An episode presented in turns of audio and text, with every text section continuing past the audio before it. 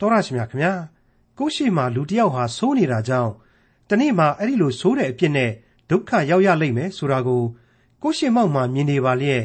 ငါမှဘာတာဝန်မှမရှိဘူးငါနဲ့လည်းမဆိုင်ဘူးဆိုပြီးဘာမှမပြောဥပက္ခပြု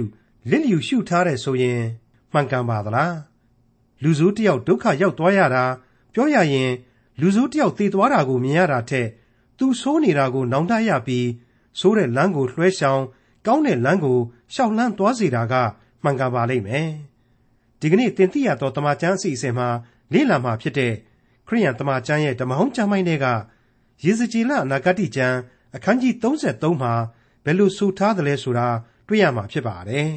။ထာဝရအရှင်မြတ်စွာဘုရားသခင်ကိုယုံကြည်တဲ့သူပါဆိုပြီးဘုရားကျောင်းထဲမှာတရားတွေနာတခြင်းတွေဆိုလုပ်နေပေမဲ့လို့စိတ်နှလုံးကဘယ်ကိုရောက်နေသလဲဆိုတဲ့အကြောင်းနဲ့အတူ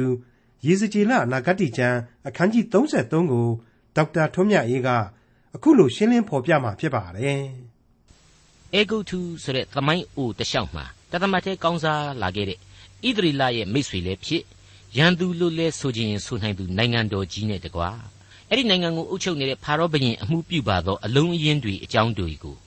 အလုံးအင်းတို့အကြောင်းတွေကိုထူးခြားတဲ့ယူပါယုံခန်းစားချက်များနဲ့ဘုရားသခင်ရဲ့အနာဂတ်တွေဘယ်လိုရှိခဲ့တယ်ဆိုတာကို ကျွန်တော်တို့ဟာယေစကြည်လအနာဂတ်ကျမ်းမှတဆင့်သိခဲ့ရပြီဖြစ်ပါတယ်ဒီအကြောင်းတွေကိုနားဆင်နေရင်နဲ့စိတ်မောလူမောများမိษွေတို့ဖြစ်ကုန်ကြမလားလို့ကျွန်တော်တွေးမိပါတယ်တွေးမိဆိုကျွန်တော်ဆိုတဲ့တင်ပြသူကိုယ်တိုင်ကရောစိတ်မောလူမောဖြစ်သွားခဲ့ရလေတော့ဒီအတိုင်းပဲမိษွေတို့လည်းခံစားကြရလိမ့်မယ်ဆိုတဲ့အတွေးနဲ့ခံစားချက်နဲ့မတွေးမပြီးလို့တွေးမိခြင်းပါပဲစာနာစိတ်နဲ့ဆိုပါတော့အခုဒီကနေ့ဒီသင်ခန်းစာအသစ်ကတော့ ယေစီလအနာဂတိကျမ်းရဲ့နောက်ဆုံးပိုင်းတွေကိုစတင်ဝင်ရောက်လာတဲ့အခန်းကြီး33ဖြစ်ကြောင်းကိုမိတ်ဆွေတို့သိစေခြင်းပါတယ်ဟုတ်ပါတယ်ခင်ဗျာအခုအခန်းကြီး33ကနေအခန်းကြီး48အထိဏိဂုံးပိုင်းတွေဟာအကျုံးဝင်နေပါတယ်ဏိဂုံးပိုင်းလို့ပြောမယ်အပိုင်းကြီးဖြစ်ပါတယ်အခုအပိုင်းတစ်လျှောက်မှာလွှမ်းမိုးနေတာကတော့သခင်ဘုံတော်နဲ့အနာဂတ်ကောင်းကင်နိုင်ငံတော်အကြောင်းတွေပဲများပါလိမ့်မယ်ဒါကြောင့်မလို့ဒီကနေ့စတင်ရတဲ့အပိုင်းဟာ ပြီးခဲ့သောအခန်းကြီးများတို့နဲ့သဘောတဘာဝချင်းများစွာခြားနာသွားသောအပိုင်းအခြားကြီးပဲဖြစ်တယ်လို့ကြိုကြိုတင်တင်ကျွန်တော်အနေနဲ့ဖော်ပြနှင်ခြင်းပါတယ်ဟုတ်ပါတယ်မိတ်ဆွေအခန်းကြီး25အထိကျွန်တော်တို့ကြားနာခဲ့ရတဲ့ဗျာဒိတ်အနာဂတ်တွေဟာ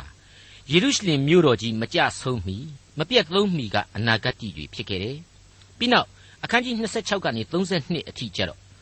ဣသရေလနဲ့မိတ်ဆွေသင်္ကဟတို့ရဲ့မိတ်ဆွေသင်္ကဟတို့လို့ပြောနိုင်တဲ့ ဣသရေလပတ်ဝန်းကျင်ကကလျက်သားနိုင်ငံတော်တို့အကြောင်းတွေကိုအနာဂတ်များအဖြစ်ပြောင်းလဲသွားရတယ်။အခုဏိဂုံးချုပ်အပိုင်းအခြားမှာကျတော့ယေရုရှလင်မြို့တော်နဲ့ဣသရေလကြဆုံသွားခဲ့ပြီးတဲ့နောက်ပိုင်း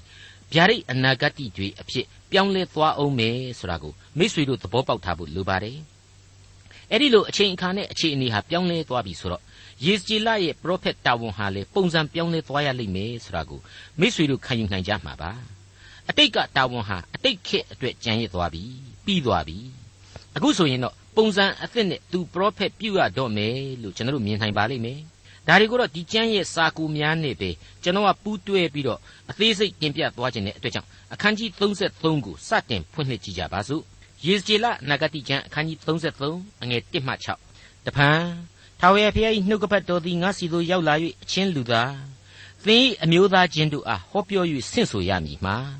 ငါသည်တစုံတစ်ခုသောပြည်သို့ဓာဘေးရောက်စီသောအခါ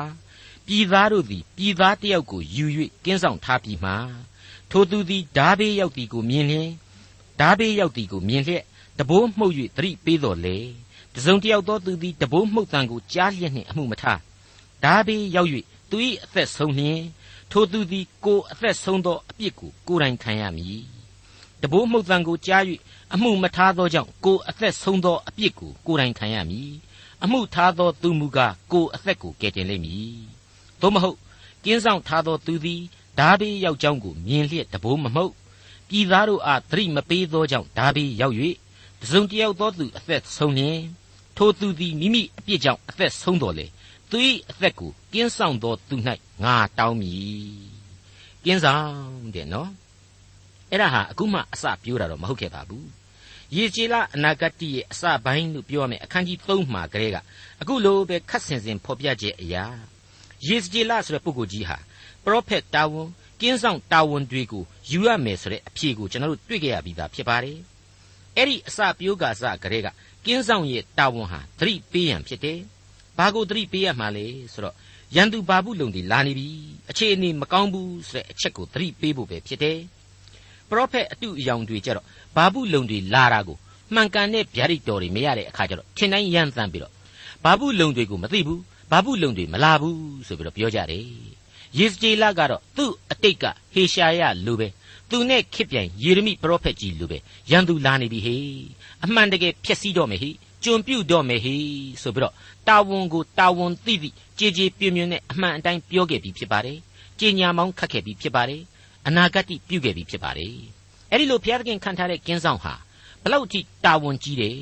ဘလောက်ထိအရေးကြီးတဲ့တာဝန်ကိုထမ်းဆောင်ရတယ်။အဲ့ဒီတာဝန်ကိုလည်းမင်းကြည်ပြင်းရလိမ့်မယ်။ပြောဖို့ဟောဖို့သတိပေးဖို့တာဝန်ဟာမင်းတာဝန်မပြောမိလို့သတိမပေးမိလို့ရှိရင်တခြားလူတယောက်များမတော်တဆအသက်ဆုံးမယ်ဆိုပါတော့မင်းအသက်ကိုငါပြန်တောင်းမယ်ဆိုတဲ့အထိပြင်းထန်တဲ့သတိပေးချက်အားဖြင့်ဒီတာဝန်ရဲ့ကြီးလေးမှုကိုဖော်ပြပေးလိုက်ပါတယ်။ယေစကျေလအနာဂတိကျမ်းအခန်းကြီး33 အငယ်9မှ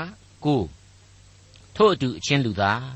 သင်ကိုဣသရေလအမျိုး၌ကင်းဆောင်စေခြင်းဟာငါခန့်ထားသောကြောင့်သင်သည်ငါ၏နှုတ်ထွက်စကားကိုနားခံ၍သူတို့ကိုသတိပေးရမည်။ငါသည်လူဆိုးအားအိုလူဆိုးအကယ်စင်စစ်သင်သည်အသေးခံရမည်ဟုဆိုသောအခါဆိုသောသူကိုသူ၏လမ်းမှလွှဲစီခြင်းဟာသင်သည်သတိမပေးလျင်ထိုလူဆိုးသည်မိမိအပြစ်ကြောင့်အသက်ဆုံးလိမ့်မည်တို့ရာတွင်သူ၏အသက်ကိုသင်၌ငါတောင်းမည် သို့မဟုတ်လူဆိုးကိုသူ၏လမ်းမှလွှဲစီခြင်းဟာသင်သည်သတိပေး၍သူသည်မလွှဲဘဲနေလျင်မိမိအပြစ်ကြောင့်အသက်ဆုံးတော်လေသင်သည်ကိုအသက်ကိုကယ်တင်ပြီမိတ်ဆွေအပေါင်းတို့ကျွန်တော်ရဲ့တငယ်ချင်းဓမ္မအမှုတော်ဆောင်တယောက်ဟာစိတ်အားအလွန်ထက်သန်စွာနဲ့အိုးပြစ်အိမ်ပြစ်ဆိုသလိုဘုရားသခင်ရဲ့အမှုတော်ကိုဆောင်ခဲ့ပါတယ်။သူ့ရင်ထဲမှာဘုရားသခင်ရဲ့ကယ်တင်ခြင်းကိုလူတွေကလက်ခံပါပြီဆိုပြီးပြောလာတဲ့အချိန်ကျမှ ဒီအမှုတော်ဆောင်ခြင်းလုပ်ငန်းဟာအောင်မြင်ပြီဆိုပြီးတော့တရသေးဆွဲယူထားလိမ့်ရှိပါတယ်။အဲ့ဒီကျွန်တော်ရဲ့တငယ်ချင်းမိတ်ဆွေဟာအင်မတန်အယူသီးထန်တဲ့အခြားဘာသာဝင်မိတ်ဆွေတွေကြားထဲမှာအဲ့ဒီလိုယုံကြည်ခြင်းနဲ့အမှုတော်ဆောင်လာလိုက်တာဟာထင်တဲ့အတိုင်းမပေါက်တဲ့အချိန်ကျတော့ငါတော့ဆုံးရှုံးပြီဆိုတဲ့ခံစားချက်နဲ့တော်ပါပြီကွာငါ့ကိုဘုရားသခင်ဟာဒီအမှုတော်ဆောင်အဖြစ်အလိုတော်ရှိဟန်မတူပါဘူးငါဟာငါနဘေးထွက်ထိုင်နေတာပဲကောင်းပါတယ်ဆိုတဲ့နောက်ထပ်အစွန်းတစ်ဖက်ကိုရောက်သွားတာကိုကျွန်တော်တွေ့ရပါတယ် ဒါကိုကျွန်တော်ကတွေ့ရတော့ကျွန်တော်မိတ်ဆွေဟာစေတနာဇောကနေပြီးတော့ဒေါသတင့်သွားရခြင်းပဲလို့ယင်ထဲမှာခံစားမိပါတယ်ဒါနဲ့ပဲတငယ်ချင်းကြီးအမှုတော်ဆောင်တယောက်ရဲ့အောင်မြင်မှုဆရာဟာငါကြောင့်လူတွေအများကြီးခရစ်တော်ကိုယုံကြည်သွားပြီဆိုတဲ့ရလက်အရေးအတွက်နဲ့ကြီးဆုံးဖြတ်လို့မရနိုင်ဘူးဘုရားသခင်ကိုယ့်ကိုဘာခိုင်းတယ်လဲအဲ့ဒီဘုရားသခင်ခိုင်းတာကိုကိုယ့်ဘက်ကတာဝန်ကြီးကြီးနဲ့လုပ်ဖို့သာလျှင်အဓိကဖြစ်မယ်ဆိုပြီးတော့မင်းပြောင်းလဲပြီးတော့ခံယူလိုက်ပါတကယ်ချင်းချထားပေးတဲ့မျိုးစေ့တွေဟာ ဘုရားသခင်အလိုတော်ရှိတဲ့အချိန်ကြမှာအပင်တွေပေါက်လာမှာပေါ့ကွာဆိုပြီးတော့အားပေးယူရပါတယ်ဟုတ်ပါတယ်အခုယေစကျေလကိုမင်းကင်းဆောင်အဖြစ်တာဝန်ကြီးဖို့လိုတယ်ဆိုပြီးတော့ဘုရားသခင်သတိပေးပါတယ်ကိုကြောင့်နားထောင်ပြီးတော့အလင်းတရားရယူသူတွေရှိခြင်းမရှိခြင်းကတော့လက်ခံသူကာယကံရှင်တို့ဘက်မှသာလျှင်အများကြီးမူတည်လိမ့်မယ်ဆိုတာကိုပါသဘောပေါက်ဖို့လေဒီကျမ်းဟာဖော်ပြပေးလိုက်ပါတယ်မိတ်ဆွေအပေါင်းတို့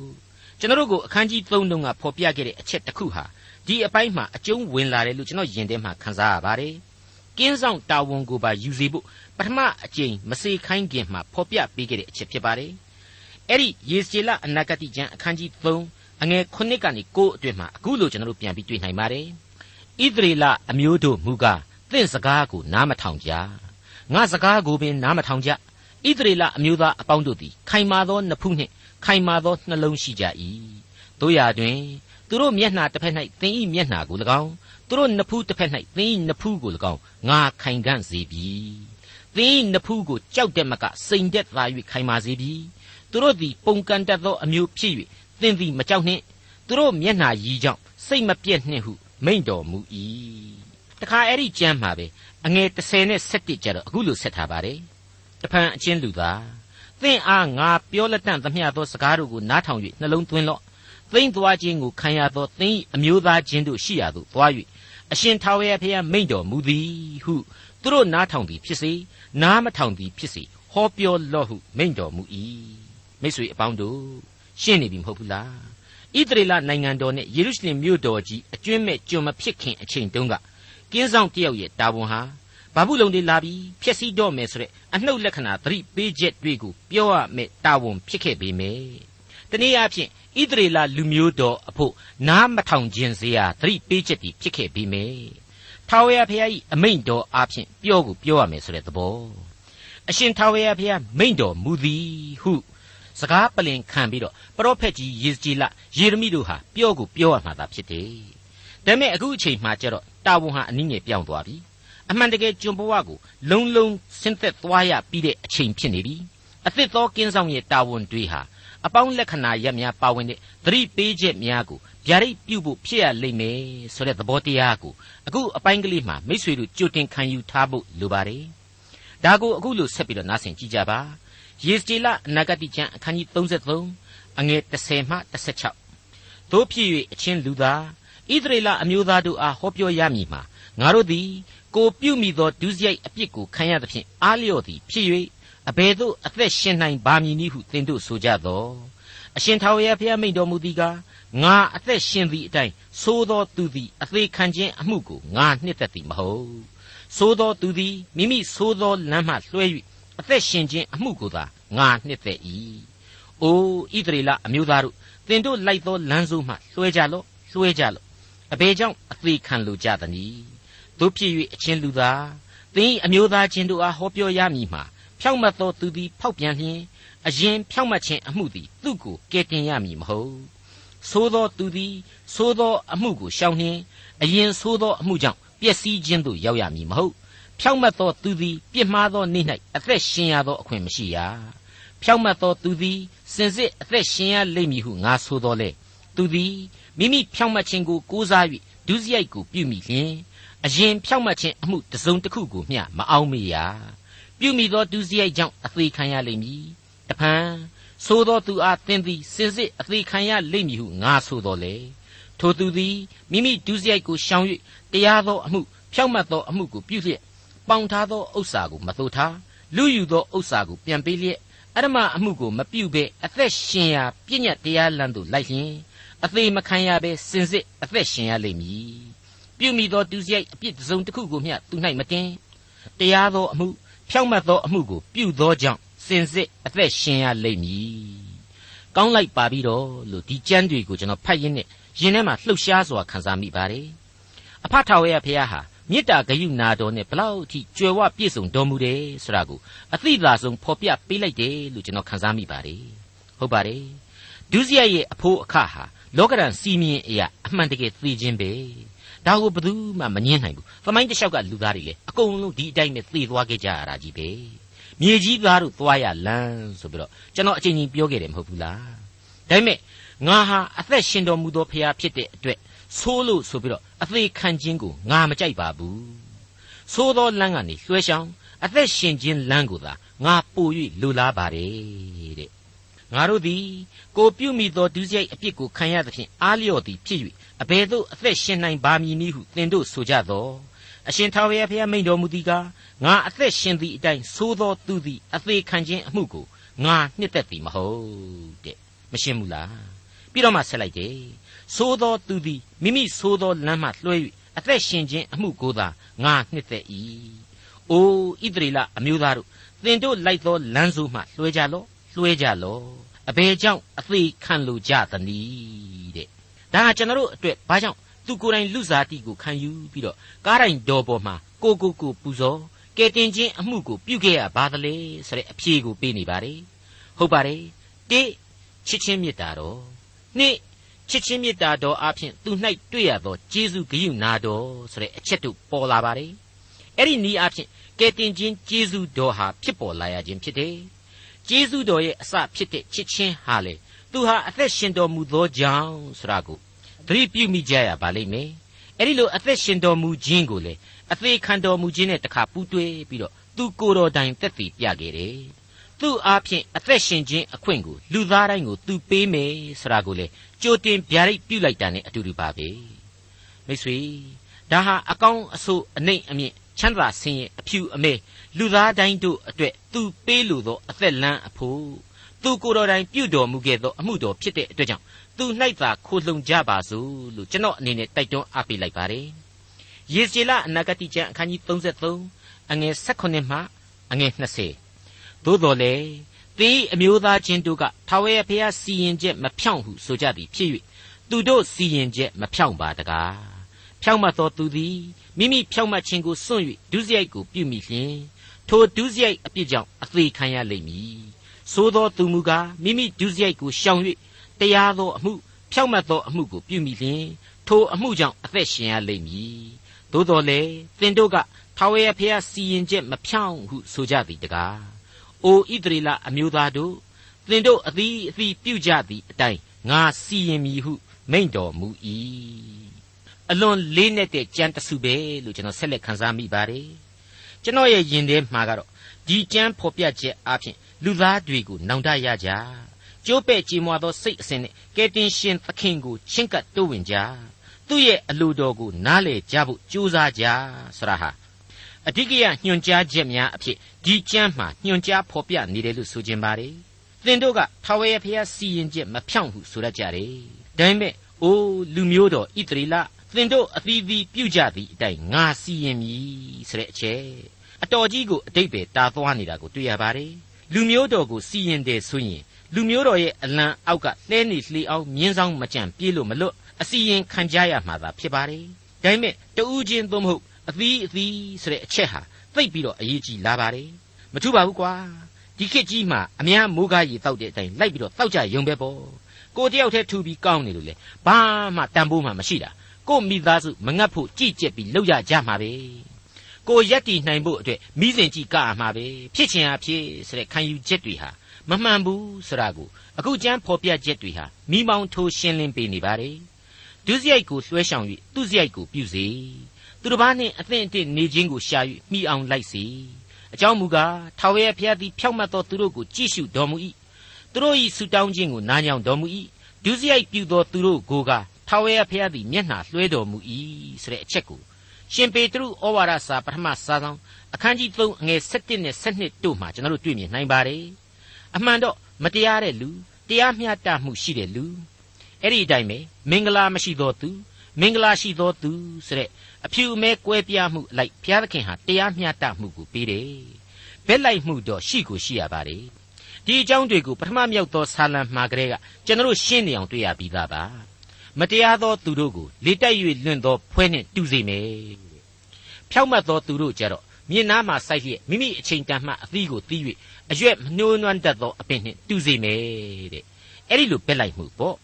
ဒါဟာလူသားတွေရဲ့ဘက်လိုက်မှုပင်းမှုမျက်နှာသာပေးမှုမျိုးလို့တစ်ဖက်စောင်းနှင်းသဘောမဟုတ်ပါဘူးလူလောကအတွင်စိုက်သည့်အတိုင်းရိပ်ရခြင်းဆိုတဲ့အချက်ကိုခံယူပြီးတော့တရားမျှတခြင်းရှိစေဖို့ဖြစ်ပါတယ် သူစောစောကဖော်ပြပေးခဲ့တဲ့အတိုင်းပဲစိုးသွမ်းလို့ဆိုပြီးတော့အသေးခံရခြင်းကိုမနှိမ့်မြို့နိုင်ဘူးဆိုတဲ့အချက်ကိုဖျောက်ပစ်လို့တော့မရနိုင်ပါဘူးဟုတ်ပါတယ်ဖြောက်မတ်သောသူရဲ့ဆုတောင်းတန်ကိုနားညောင်းတယ်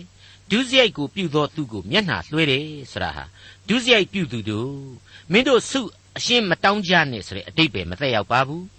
ကြောခိုင်းထားတဲ့ဘုံတော်မျက်နှာလွှဲထားတဲ့အဖရဲ့ခွင့်လွှတ်ခြင်းကိုနောင်တစိတ်နဲ့ပြန်လဲအသနာခံမျှော်ကြည့်စေဖို့ရန်အတွက်ပဲဖြစ်ပါတယ် အဲ့ဒီလိုနောင်တနဲ့နှိမ့်ချသောစိတ်နဲ့သူ့ကိုကိုးကွယ်ပြတ်ဝတ်စေခြင်းတဲ့အကြောင်းကိုအခုယေဇကျေလဟာဆက်လက်ဖော်ပြပေးအောင်မှာပါယေဇကျေလအနာဂတိကျမ်းအခန်းကြီး33အငယ်21မှ26သိမ့်သွားရာတက္ကရာ12ခုဒသမလ9ရက်နေ့တွင်ယေရုရှလင်မြို့မှပြေး၍လွတ်သောသူတစ်ယောက်သည်ငါထံသို့ရောက်လာ၍မြို့ကိုလှုပ်ကြံပြီးဟုသတင်းကြားပြော၏ထိုသူမရောက်မီညာဥမှစ၍သူရောက်သောနနဲ့အချိန်တိုင်အောင် ထာဝရဘုရားသည်လက်တော်ကိုငါအပေါ်၌กิน၍ငါနှုတ်ကိုဖွင့်တော်မူသဖြင့်ငါသည်စကားမပြောဘဲနေရသောအချိန်လွန်၍ဟောပြောရ၏ထိုအခါထာဝရဘုရား၏နှုတ်ကပတ်တော်သည်ငါစီသို့ရောက်လာ၍အချင်းလူသားပျက်စီးသောဣသရေလပြည်၌နေသေးသောသူတို့ကအာဗြဟံသည်လူတဦးသည်ဖြစ်တော်လေဤပြည်ကိုအမွေခံရ၏ငါတို့မူကားအများဖြစ်ကြ၏ငါတို့အမွေခံเสียဖို့ပေးတော်မူပြီးဟုဆိုကြသော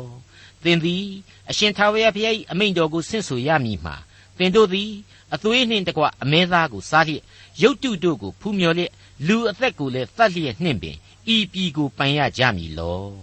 ဓာကိုခိုလှုံလျက်ဆက်ဆုပ်ဖွယ်သောအမှုကိုပြုလျက်အိမ်နီးချင်းမယားကိုပြစ်မှားလျက်နှင့်ပင်ဤပြည်ကိုပိုင်ရကြမည်လောလှေနံနှစ်ဖက်မနှင်းကြပါနဲ့ဒုစရိုက်ကိုရှောင်ပြီးတော့သူစရိုက်ကိုပြုကြပါလို့တိုက်တွန်းလိုက်တာ ਨੇ အတူတူပဲဖြစ်ပါတယ် ရုပ်ထုတို့ကိုဖူးမြော်လူအသက်ကိုတတ်လျက်ဤပြည်ကိုပိုင်ရမည်လောတဲ့ဓာကိုခိုလှုံလျက်သူတစ်ပါးမယားကိုပြစ်မှားလျက်ဤပြည်ကိုပိုင်ရကြမည်လောတဲ့မိကွန်းဒီဆင်ငယ်ဆင်ငယ်ထုတ်ပေးလိုက်ပါလေယေစီလအနာဂတိကျမ်းအခန်းကြီး33အငယ်28မှ29တပန်အရှင်ထာဝရဘုရား၏အမိန့်တော်ကိုဆင့်ဆိုရမည်မှာငါအသက်ရှင်သည့်အတိုင်းပျက်စီးသောအရ၌နေသောသူတို့သည်ဓာဖြင့်လဲ၍သေရကြလိမ့်မည် လွင်ပြင်၌ရှိသောသူတို့ကိုငါသည်သားရဲ၌အပ်၍ကိုက်စားစေမည်ရေရိုက်ဥမင်၌ရှိသောသူတို့သည်ကာလနာနှင့်သေရကြလိမ့်မည်တပြည်လုံးကိုငါတုတ်တင်ပယ်ရှင်းသဖြင့်သူ့အစွန်းတတ္တိဤဂုံအသရေကုန်၍